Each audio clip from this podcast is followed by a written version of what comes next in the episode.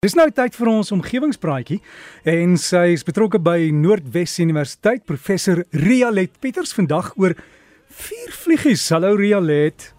Môre Derek en luisteraars. Ja, en Dr Anja Erasmus, die na-doktorale genoot hier aan die navors in die navorsingseenheid vir omgewingswetenskappe en bestuur wat my agter die skerms help om die omgewingspraatjie Facebookblad aan die gang te hou, het op 1 Februarie vanjaar 'n plasing oor vier vliegies gemaak Dit het soveel belangstelling uitgelok dat ek besluit het om vandag verder te gesels oor hierdie besonderse insekte. In een van die kommentare op die plasing wou iemand weet hoe hulle die lig vervaardig.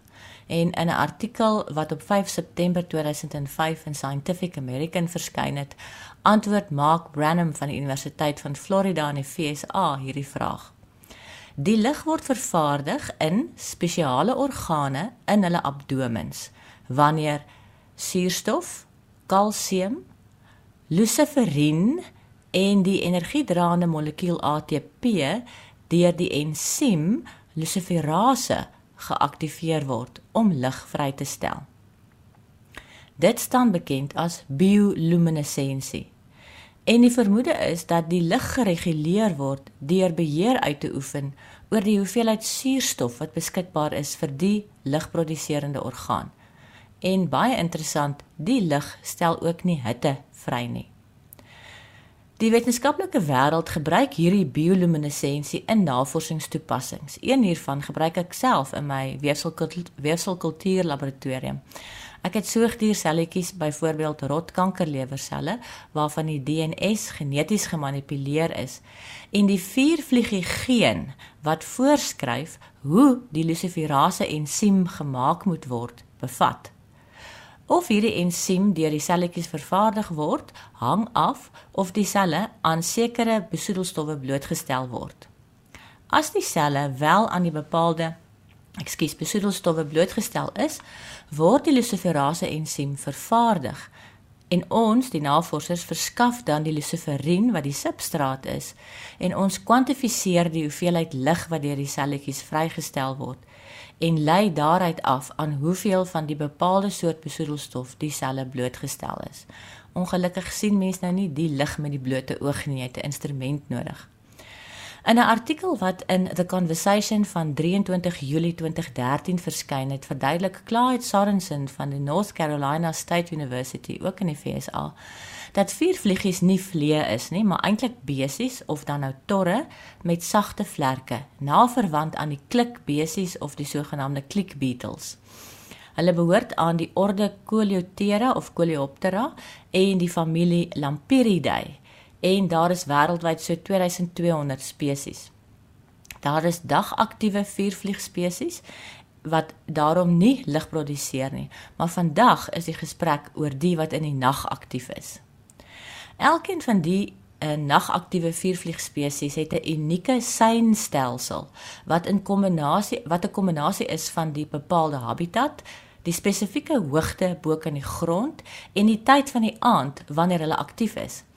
Dis die mannetjies wat rondvlieg, maar op 'n bepaalde hoogte wat tipies vir sy spesies is in die habitat wat spesifiek is vir die spesies en op die regte tyd van die nag. En dan flikker hy boonop 'n ligpatroon wat uniek is vir sy spesies.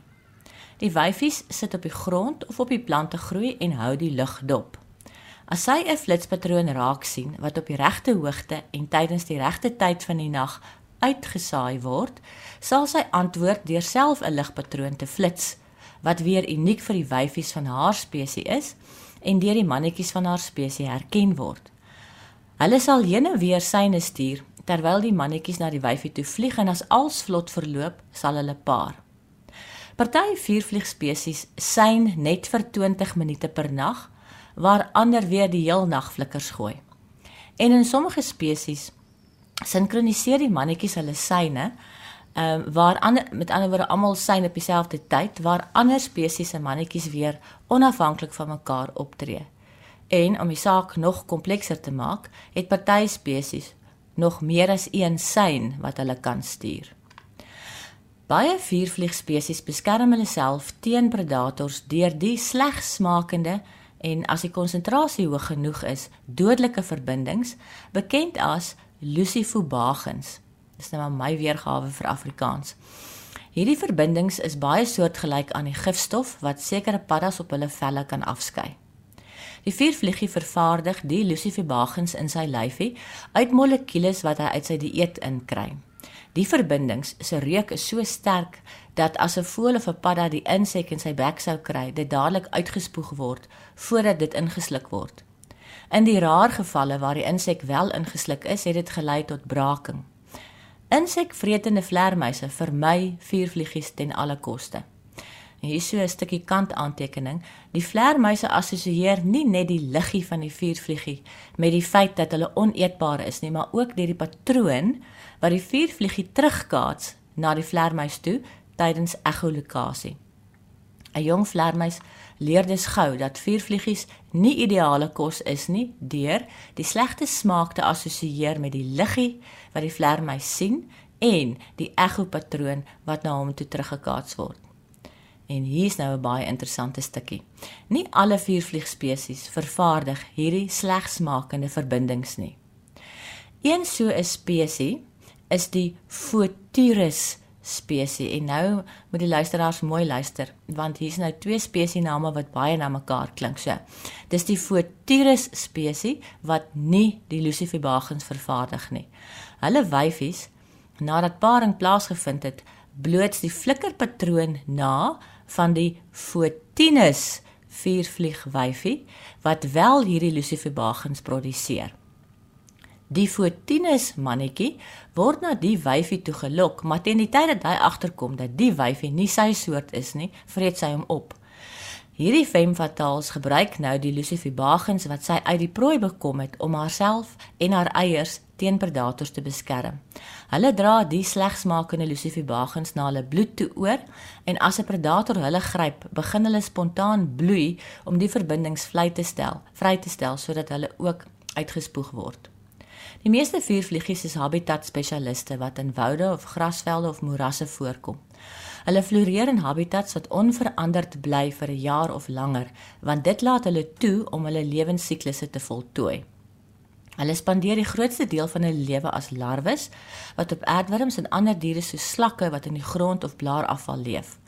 Terloops, navorsers uit China en Duitsland het dit reg gekry om die Pirocelia pectoralis vuurvliegspesies wat in China voorkom, suksesvol suksesvol in aanhouding te teel en te ondersoek of die larf aangewend kan word as biologiese plaagbeheer van 'n landslakspesies wat groot skade aan gewasse aanrig in China. Die meeste volwassenes voed glad nie en as die habitat tydens hulle larvale stadium ontwrig word, kan dit daartoe lei dat hele bevolkings uitgewis word. En om die saak verder te bemoeilik, is sommige van die uh, spesies se wyfies vlerkloos. Dit beteken dat sy net so ver kan trek as wat sy kan loop. En as hulle habitat uitgewis word, kan hulle nie eenvoudig net na 'n naburige soortgelyke habitat vlieg nie. Habitatvernietiging is dus een van die grootste uitdagings waarteen vuurvliegies te staan kom maar dis ongelukkig nie al nie. Ander probleme is ligbesoedeling, nie lug nie, ligbesoedeling deur kunsmatige lig en moenie van die insekdoders vergeet waarmee ons so mildelik plaagbeheer toepas nie. Ek het op die omgewingspraatjies se Facebookblad ehm um, uh foto's geplaas van twee vuurvliegspesies wat in Suid-Afrika voorkom en 'n klein kaart wat hulle verspreiding aandui. Gaan kyk gerus.